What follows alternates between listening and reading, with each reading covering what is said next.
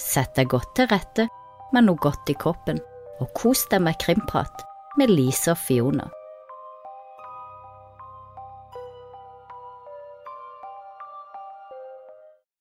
Velkommen tilbake til Krimprat med Lise og Fiona, og det er deilig å være tilbake. Ikke sant, Lise? Yes, det er det. Herlig. Eh, og jeg har jo en sånn sunn januar, og det er veldig kjedelig å fortelle om hva jeg har i koppen, for det er jo typisk te, da. Kjedelig. Vann. Kjedelig. Mm. Eh, men jeg unner meg en kaffe, cappuccino hver morgen, da. Så la oss heller snakke om hva du har i koppen. Ja, det er vel òg litt kjedelig da, for i dag har jeg òg te, faktisk. Fruktte Uh. med litt sukker i. Ja, men det er jo godt, da. Ja. Jeg er spiser faktisk ikke sukker eller chips eller alkohol. Det blir drikke, da. Ingenting Mm. gøy i januar. Det... Nei da, jeg lager faktisk veldig mye god mat fra bunnen av, og det er, Mm. det er litt givende. Lærer nye ting. Ja, jeg ser jo du Så en liten sånn på rensk, klassisk opp, eh, opprensing av slagstoffer ja, fra jula. Ja. Og hvis dere har lyst til å se disse her eh, sunne rettene til Fiona, så kan dere gå inn på Instagrammen hennes. Det er Camping Sandy, er det ikke det? Jo, jeg legger faktisk ut ganske mye eh, der, ja. Mm, du gjør det. Det er litt gøy. Men i dag så har du noen eh, lover vi skal gå gjennom før vi setter i gang med dagens historie. Jeg syns det er så gøy med kokkelimunke. Ja. Og spesielt på Kokkelimunke så var det jo sånne crazy lover, spesielt fra USA. Mm. Så jeg har funnet noen, eh, og jeg lurer på om du har hørt det før. Eh, Iallfall, her kommer de. Og dette er i USA. I Kent Kentucky så er det forbudt å farge andunger blå, og så selge de. Med mindre Andunger. Ja, andunger. Okay. Med mindre, da. Du har over seks stykker du skal selge. Så du har ikke lov å farge andunger blå, unntagen du har seks stykk som skal selges? Ja, nå må du selge seks stykker blå pluss. Ja, ja, men det ga jo mening. Ja. Det, det virker Men som en god, god lov å ha. Uh. Ja, ja. I New Jersey, Ja, ja. da, så er det forbudt å ha på seg en skuddsikker vest mens Mm. man begår et mord. Det er forbudt å ha på seg skuddsikker vest mens du begår et mord. Ja. Det er liksom ikke helt fair, da, kanskje. Nei, nei, det kan jo være noe sånt. Det hadde vært interessant å vite hva som er liksom bakgrunnen for sånne lover, da. Ja, det blir jo et problem for politiet, da. For det er jo de som ofte går med skuddsikker vest. Ja, det er sant. Det Kanskje det er en litt måte å gjøre det på. Ja. Eh, det er ikke så Nå er vi i Arizona. Der er det ikke lov å ha mer enn to dildoer i hus. Uh, uavhengig av da hvor mange som er, bor i dette huset. Så hvis du bor i kollektiv, så må du faktisk dele.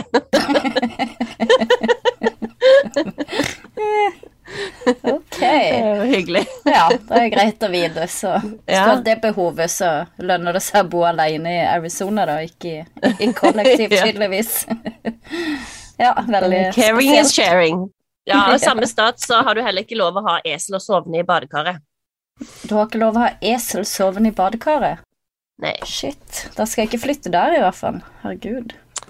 Og i Pennsylvania så kan du ikke Kan ikke 16 eller flere kvinner bo i samme hus. Nei. Altså, for det blir jo selvfølgelig Hva blir det? Ja, det blir kaos, vet du. Det, Det blir bordell. det, ja, det blir bordell, ja. Ja, selvfølgelig. Så hvis, Så på den måten så hindrer de det. ja, så hvis du er 15 bare, så, Men- så er det ikke bordell. Du må liksom Nei da, da er det ikke 16. Ja, skjønner. kvinner som lever det glade Ja, liv. ikke sant. Mm. Mm.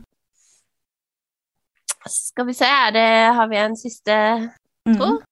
Um, Ja, eh, hvis du er en enarma pianist, da, som eh, mange er Jeg har sett mange enarma pianister, Mm, faktisk. mm. Ehm, da kan du ikke ta betalt for å opptre i Iowa. Nei, ok. Så du må ha to armer. Da må du ha to armer, ja. Da må du ha to armer. Og, eh, Ja, nei. men det- eh, ja, jeg må ta den siste. Ja. det er den I Alabama så er det ulovlig å ha falsk bart som får folk til å le. Hvor da? Oi, ok. Jo, i kirka. I I kirka. kirka. I kirka. Ok, så kun i Ja. kirka. Kan du ikke komme med falsk bart Nei. for å få folk til å le? Nei. Det, det, Det, da, det skjønner jeg jo. det skjønner jeg. Ja, det er godt, Det godt de har eh, lover på sånn. Vi slipper uh... Ja. ja, nei, Vi har sikkert noen rare lover i Norge òg, så det, det må vi finne ut av. Ja, kanskje vi har noen sånn rare noen. spørsmål som vi har så merkelig som i Amerika, da. Det hadde jo vært interessant å vite bakgrunnen for noen av de her lovene, sånn som ikke har sovende esel i badekaret. Altså, Jeg vet faktisk bakgrunnen. OK. Dem, dem, dem. Det er jo rett og slett fordi det har skjedd en gang. Og da lager de en lov, så hindrer de at det skjer igjen. Men, men hva er problemet med å ha et esel sovende i badekaret? Jeg skjønner ikke Nei, det har tydeligvis ført til noen problemer. det. Og det er bare OK, Ja. uh, what's the problem? There's no law against it. Og så sier de ja, men da lager vi en lov, Ja. så da neste gang vi kommer, så har du ikke lov til det. Nei. Ja. Ja, ja. Mhm. ja. Nei, det var dagens, Det er det jeg har eh, hørt, er forklaring. dagens eh, lærerikt om lover fra Amerika. Og har du noen gode lover, så gjerne del med oss på Facebook-sida vår. Lise, Lise, Lise på Instagram, holdt jeg på å si, det heter jo ikke det. Eh, Krimprat med Lise og Fiona. Og på Instagram heter det samme. Vi vil høre crazy lover, det er kjempegøy. Mm. Og vi vil gjerne høre fra dere hva dere syns om denne spennende saken som vi skal ha denne uka. Det er et mysterium, vil jeg si, eller man kan tro det ene og man kan tro det andre. Og jeg er veldig spent på, Lise, hva du tror når du får hørt Storytell.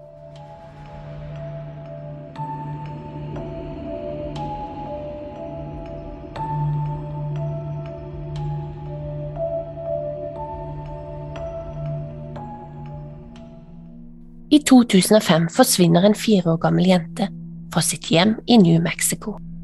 Saken blir kalt Mexicos svar på Madeleine McCann-saken, da den fikk mye oppmerksomhet i media. Paulette var nemlig datter av en velstående familie som hadde politiske kontakter, og saken ble etterforsket av høyeste hold. Likevel, 17 år etter, er det mange som tviler på utfallet i saken. Dette er historien Paulette Gebara Farah. Paulette Gebara Farah ble født 20. juli 2005. Hun ble født bare 25 uker inn i svangerskapet, og legene trodde ikke hun ville overleve. Men lille Paulette trossa alle odds og ble en søt liten jente som gikk i vanlig barnehage litt utenfor Mexico City. Hun var godt likt og spredte rundt seg med kjærlighet. På grunn av den tidlige fødselen fikk hun store vansker med både å snakke og gå, men hun kunne si småord som navn, mamma, pappa, mat, bil osv. Hun og søstera Lisette jr. vokste opp et velstående hjem, og med en mor som advokat og en far som jobba med eiendom. De bodde i en flott leilighet, og siden Paulette trengte tilsyn hele tida, ansatte foreldrene to søstre som barnepassere. Lørdag 20. mars 2010 ankommer Lisette jr., Paulette og faren leiligheten etter en familieferie i Val de Bravo, rundt en times tid unna. Mora Lisette var ikke med på ferien, hun dro på sin egen ferietur med venninna Amanda til Los Cabos. Da faren Maurizio og døtrene kommer tilbake, er moren Lisette der og venter på dem. Det er sent, og moren sier at hun legger Paulette på vanlig måte, med to puter på hver side av henne, slik at hun ikke skal rulle for mye rundt på natta. Neste morgen sender Erica, den ene barnepasseren, den eldste jenta på skolen, og senere går hun inn for å vekke Paulette. Hun kan ikke se henne verken i senga, på badet eller under senga, eller noe sted, og hun spør Maurizio som sitter i første etasje om han har sett henne, og han sier at hun sikkert er med moren sin. Erika går inn på soverommet til Lisette som sover. Erika vekker henne og spør om hun har sett eh, Paulette. Mora er søvnig og sier at Paulette ikke er der, men sikkert med faren. Det er hun jo ikke. Så til slutt så må moren stå opp og lete på rommet til Po, som er kjælenavnet hennes. Det er ingen tegn til Po, og Maritio ringer søsteren, og det er til slutt hun som kontakter politiet. Moren, Lisette, skal ha vært rolig og nytt en kaffe og en sigarett i stua, mens barnepasserne leter febrilsk rundt i huset. Det er ikke hvem som helst som blir satt på saken. Familien Gabara Farah har kontakter i det politiske systemet, og bestefaren til Po får ordføreren i staten de bor i, til å få selveste justisministeren av staten Mexico, Alberto Baspas, på saken. Han igjen setter viseadvokat Alfredo Castillo, som vanligvis driver med å stoppe narkotikahandel, til å drive etterforskningen. Det ser ut som familien mistenker en kidnapping, men ingenting tyder på innbrudd, og hundene har vært stille hele natta. Det var heller ikke tegn til at Paulette forsvant på egen hånd, da hun trengte hjelp med å gå, og heller ikke observert på overvåkningskamera. Da det ikke dukker opp noe løse brev, virker det bare som Paulette har forsvunnet uten grunn og i løse lufta.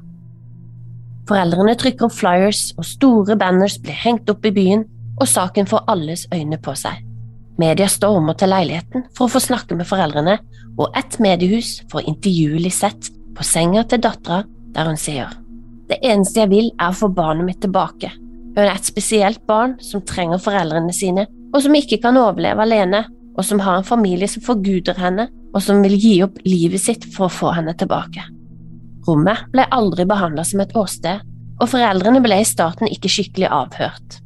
Castillo lot hundrevis av mennesker inn og ut av leiligheten. Hunder ble også tatt med inn i leiligheten for å fange opp Paulettes lukt, men ingen av dem markerte. Amanda, venninnen til Lisette, flytter inn i leiligheten og bor på Paulettes rom i en uke mens de leter etter jenta. Det kommer også frem at venninneturen de var på, var med flere menn, og at Lisette hadde et forhold til en av dem. Ekteskapet var altså ikke så perfekt. Det kom også frem at Maurizio hadde spillegjeld, og at firmaet hans slet etter dårlige tider.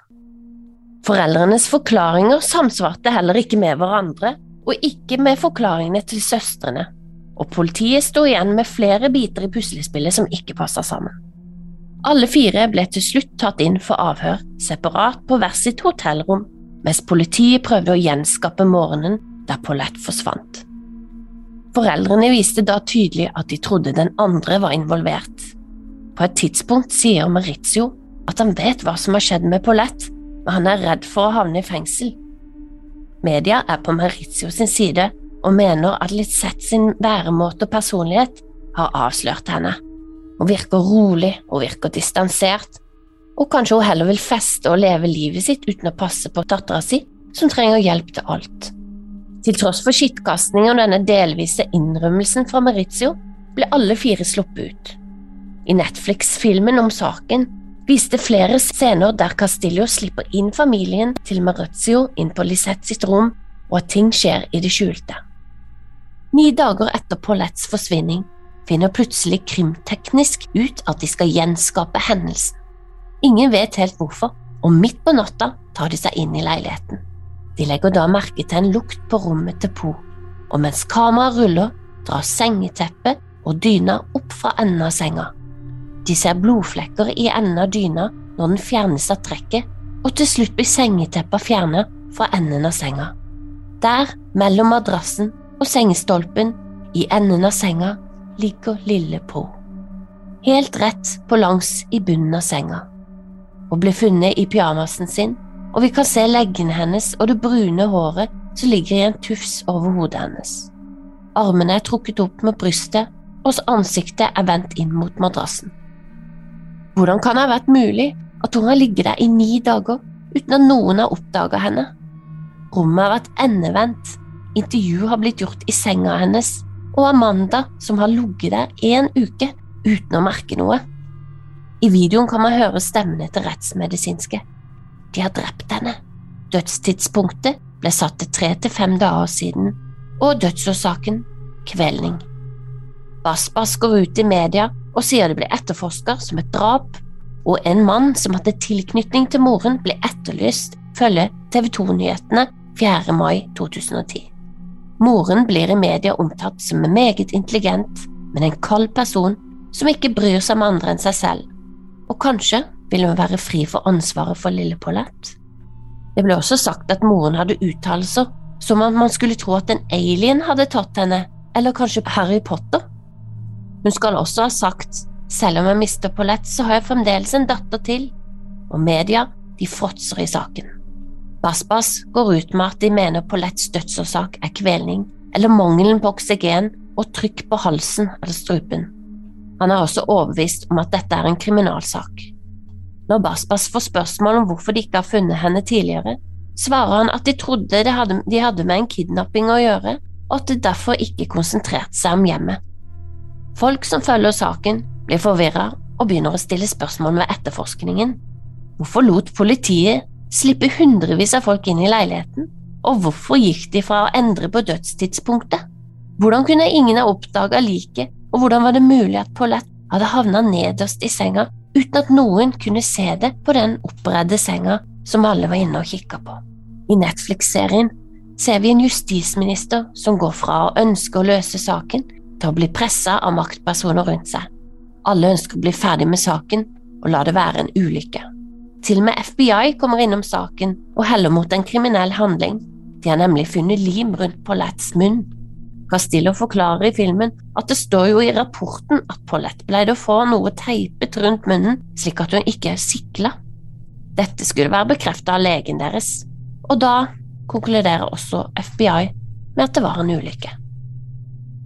I Netflix-filmen The Search følger vi også en reporter som mener at hun så en mann som var kjent for å plante bevis utenfor leiligheten en av de første dagene. Reporteren er samme journalist som intervjua Lisette på senga i virkeligheten. Om hun virkelig så denne mannen, det vet jeg ikke, for filmen gir rom for kunstnerisk frihet, og journalisten ender opp med å ikke stille flere spørsmål for å beholde jobben sin. Saken blir henlagt, og Basbas trekker seg fra jobben sin. Mannen som derimot får stillingen hans, er Castillo, og som ifølge Netflix var den som trakk i trådene for å legge saken død. Når Basmas måtte innrømme at de hadde tatt feil og satt ny konklusjon på dødsfallet, nemlig ulykke, saksøker Lisette Farah for sivil ærekrenkelse.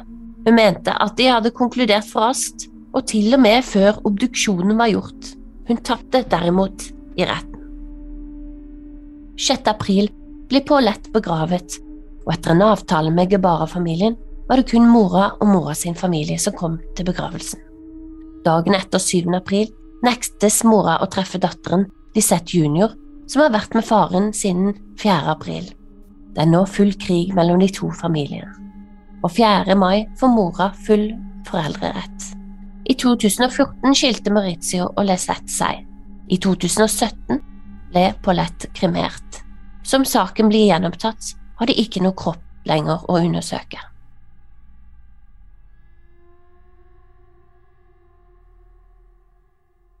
Da har vi hørt historien om lille, fire år gamle Paulette.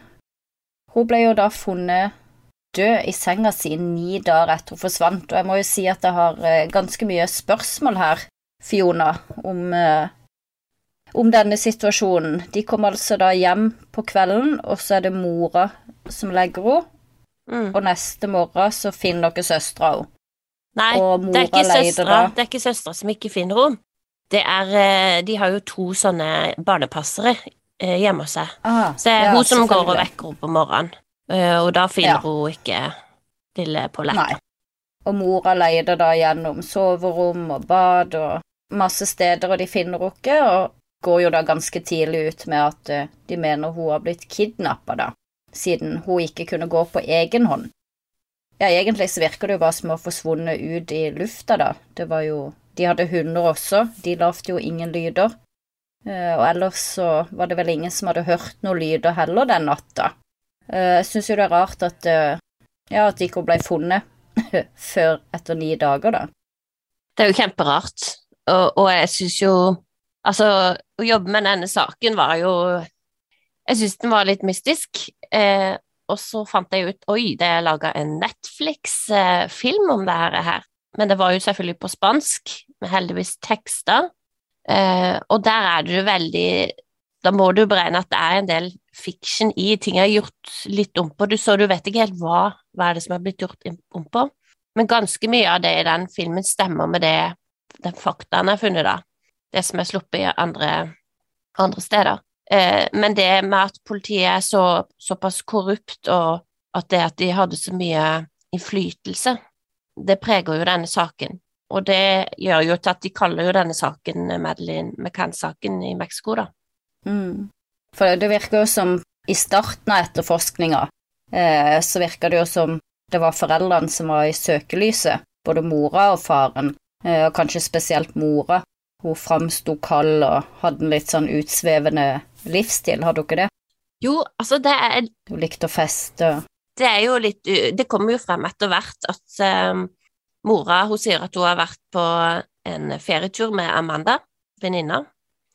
Eh, Mm. og så viser det seg så at eh, her er jo flere mannfolk inne i bildet, og det er festing, og eh, de er på en sånn golfklubb, da. Eh, og hun har et Mm. forhold til en annen mann.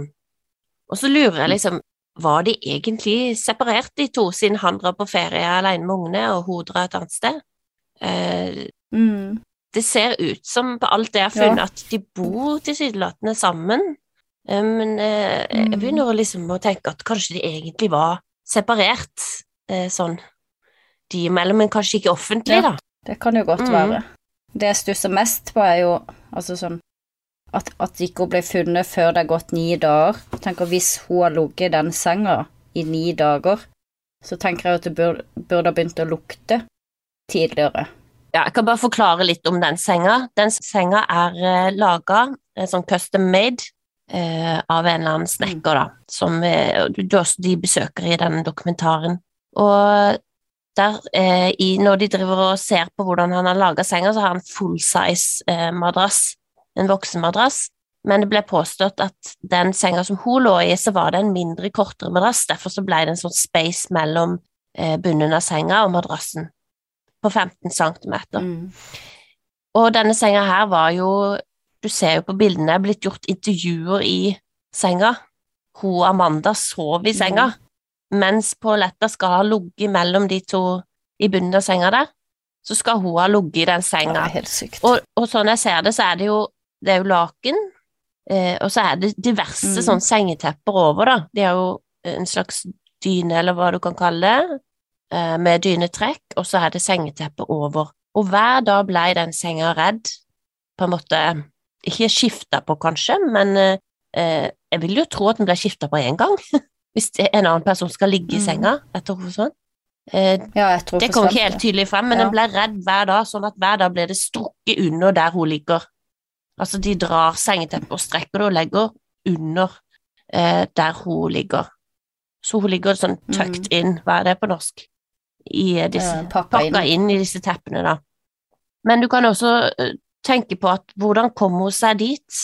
Hun ble jo lagt i denne senga, det er to puter ved siden av henne for at ikke hun skal rulle, og så er det jo dyne og det her teppet over. Og hvordan klarer hun da å rulle helt sånn stille midt på natta, den veien som hun ligger, da, vannrett, nedover i senga, og så sette seg fast uten å lage noe leven, mens hun da sover og rett og slett bare blir kvalt i løpet av natta. Og at de da ikke ser tegn til at eh, senga liksom er dratt opp, eller Ja, det høres jo at det ikke ser sånn ut som det har vært noen ruller, noen ruller under, Mm. under der dyna, at ikke det kan ses dagen etter.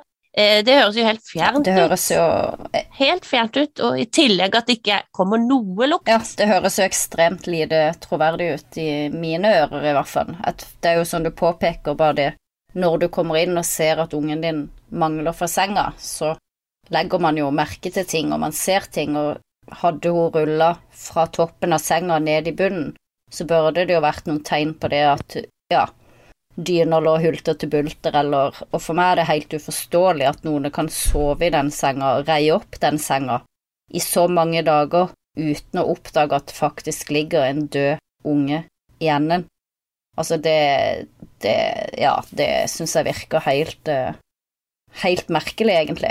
Altså Ja, og de, de sier jo det at grunnen til For det store spørsmålet var hvordan har de ikke oppdaga denne lukta? Mm. For du, man vet jo at når du begynner forråtnelsesprosessen, så er det en vanvittig sterk lukt som er helt sånn eh, Ja, politiet Ja, kjenner den igjen med en gang. Det kan jeg jo påpeke. Jeg har jo lukta på lik. Jeg fant Ja. jo mamma død da jeg var liten, og jeg har jo sett, vært på syning og sett både samboer og pappa. Eh, og jeg husker jo spesifikt denne her lukta, og den, den kommer egentlig ganske tidlig, den der eh, helt spesielle lukta. Og det er klart, når du da ligger innpakka i, i, i masse tøy i varme og over så mange dager, så er det klart det ville lukta mye, mye mer. Uh, Ja. Nei, du har opplevd litt av hvert.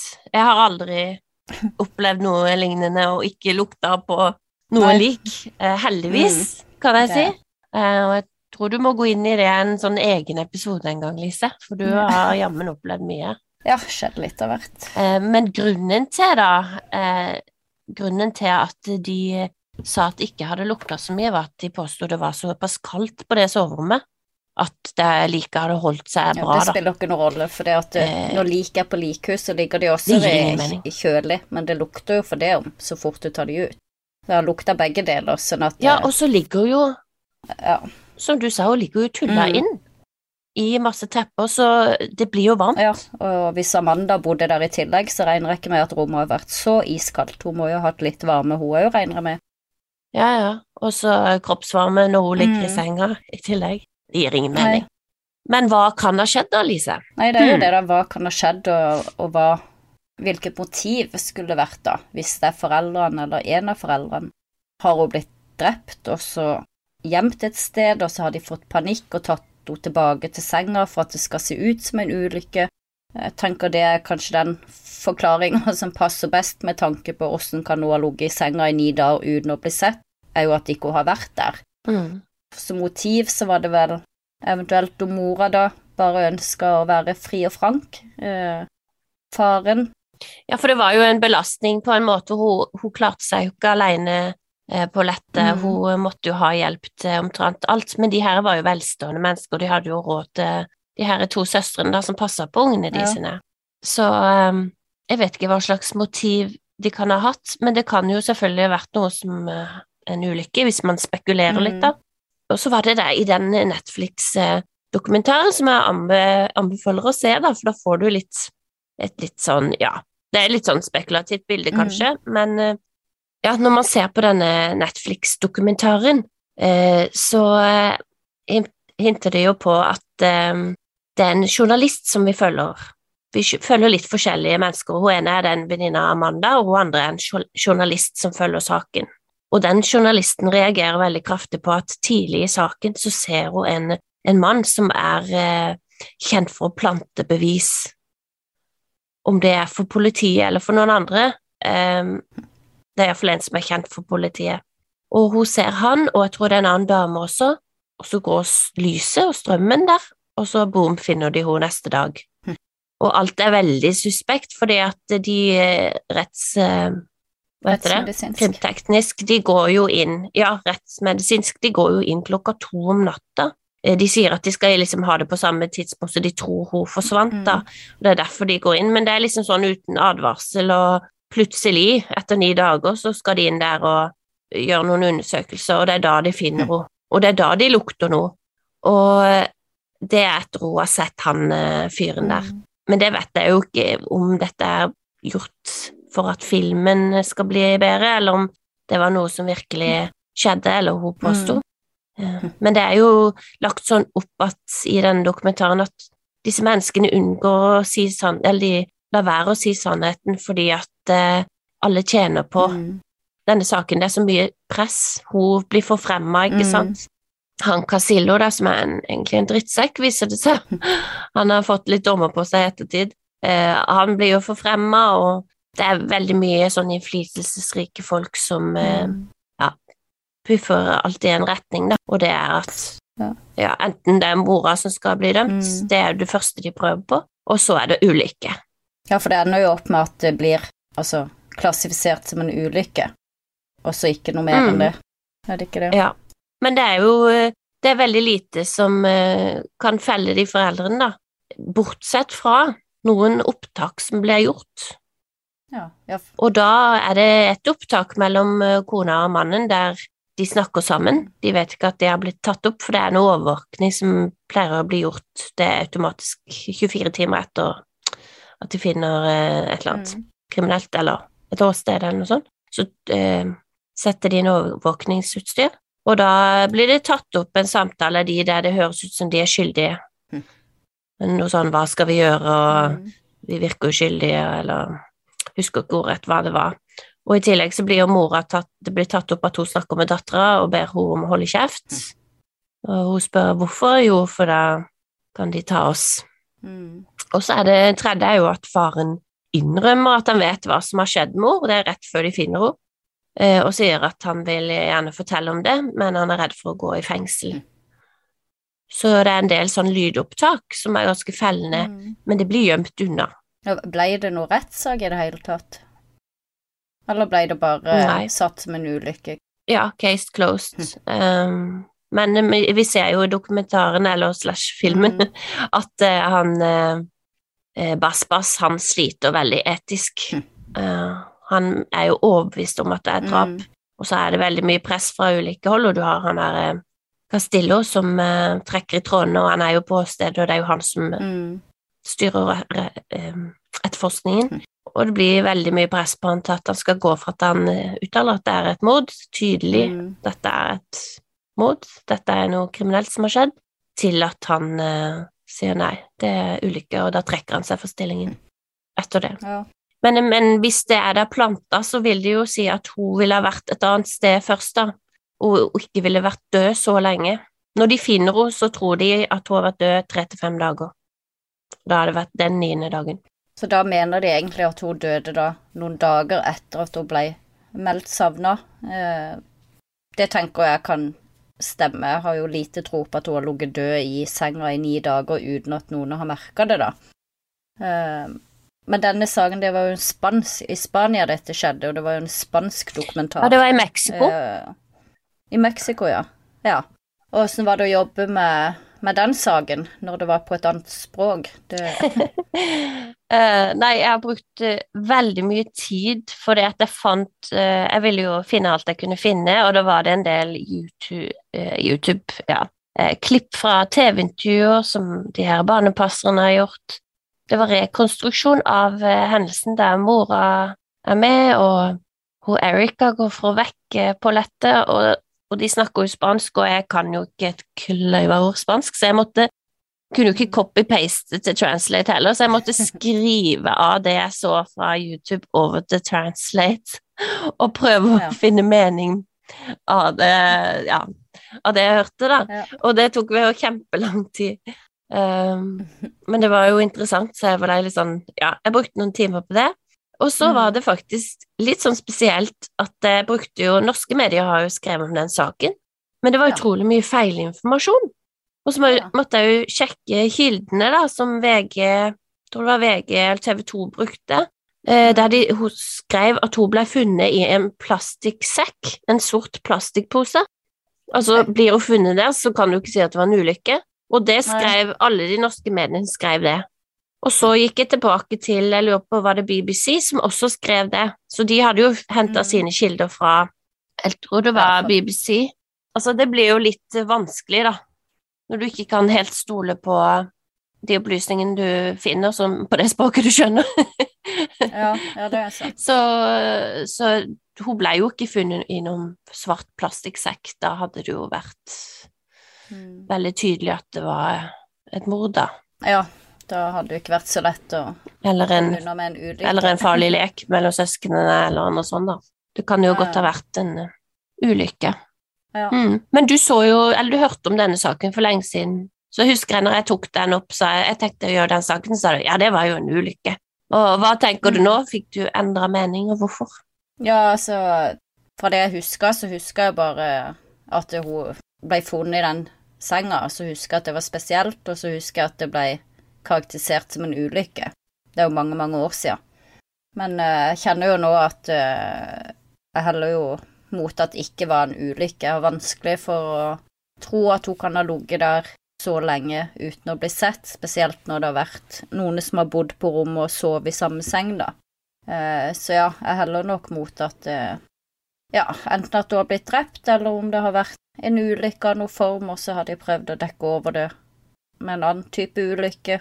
Ja, jeg vet ikke, det er ikke godt å si hva som rører seg i hodet på foreldrene hvis de har frivillig tatt livet av henne, da. Nei, Ja, litt vanskelig for å se et motiv, og vanskelig for å se hvorfor de tenkte at det var lurt å legge henne i senga, eller hvis de først ville kvitte seg med henne, da. Mm. Nei, hvis du tenker at det er en økonomisk eh, baktanke, da, hvis faren var eh, ja, litt i trøbbel der med at eh, det gikk nedenom mer med finansene Finansene? kunne være noe sånn livsforsikring eller den typen? Ja, eller kanskje bare at de skulle planlegge en slags kidnapping, Mm. på en måte, og så holdt de hodet oppe, eller Nå spekulerer vi, må bare si det. Ja. Eh, og så gikk det galt, da, ikke sant? Eh, Mm. ja, det kan jo være. Men eh, ja, Det er egentlig en veldig merkelig historie, og jeg tenker at eh, vi vil høre hva du syns, lytterne syns. Mm. Um, kanskje dere finner noe som eh, ikke vi har fått med oss også? Kanskje noen kan Mm. spansk? det, Ja, det hadde hjulpet veldig. Ja, Var det på vanlig Finner du dokumentaren eller filmen på nett, vanlig norsk Netflix? Ja, den heter The Search. The Search. Mm. Ja, Så så da kan jo folk se den, og så er du jo inne på Facebook-gruppa Krimprat med Lise og Fiona vi diskuterer mest mm, Og sånne saker. Så da er det bare å søke seg inn der og bli med i diskusjonen. yes. Da var det alt for i dag, Fiona, hvis ikke du har noe mer på hjertet. Nei, Jeg tenker at eh, vi gir oss der, og så eh, gleder vi oss til neste uke igjen med en ny Ja. episode av Krimprat med Lisa Fiona. Woohoo! Har du et enkeltpersonforetak eller en liten bedrift? Da er du sikkert lei av å høre meg snakke om hvor enkelt det er med kvitteringer og bilag i fiken, så vi eh, gir oss her, vi. Fordi vi liker enkelt. Fiken superenkelt regnskap.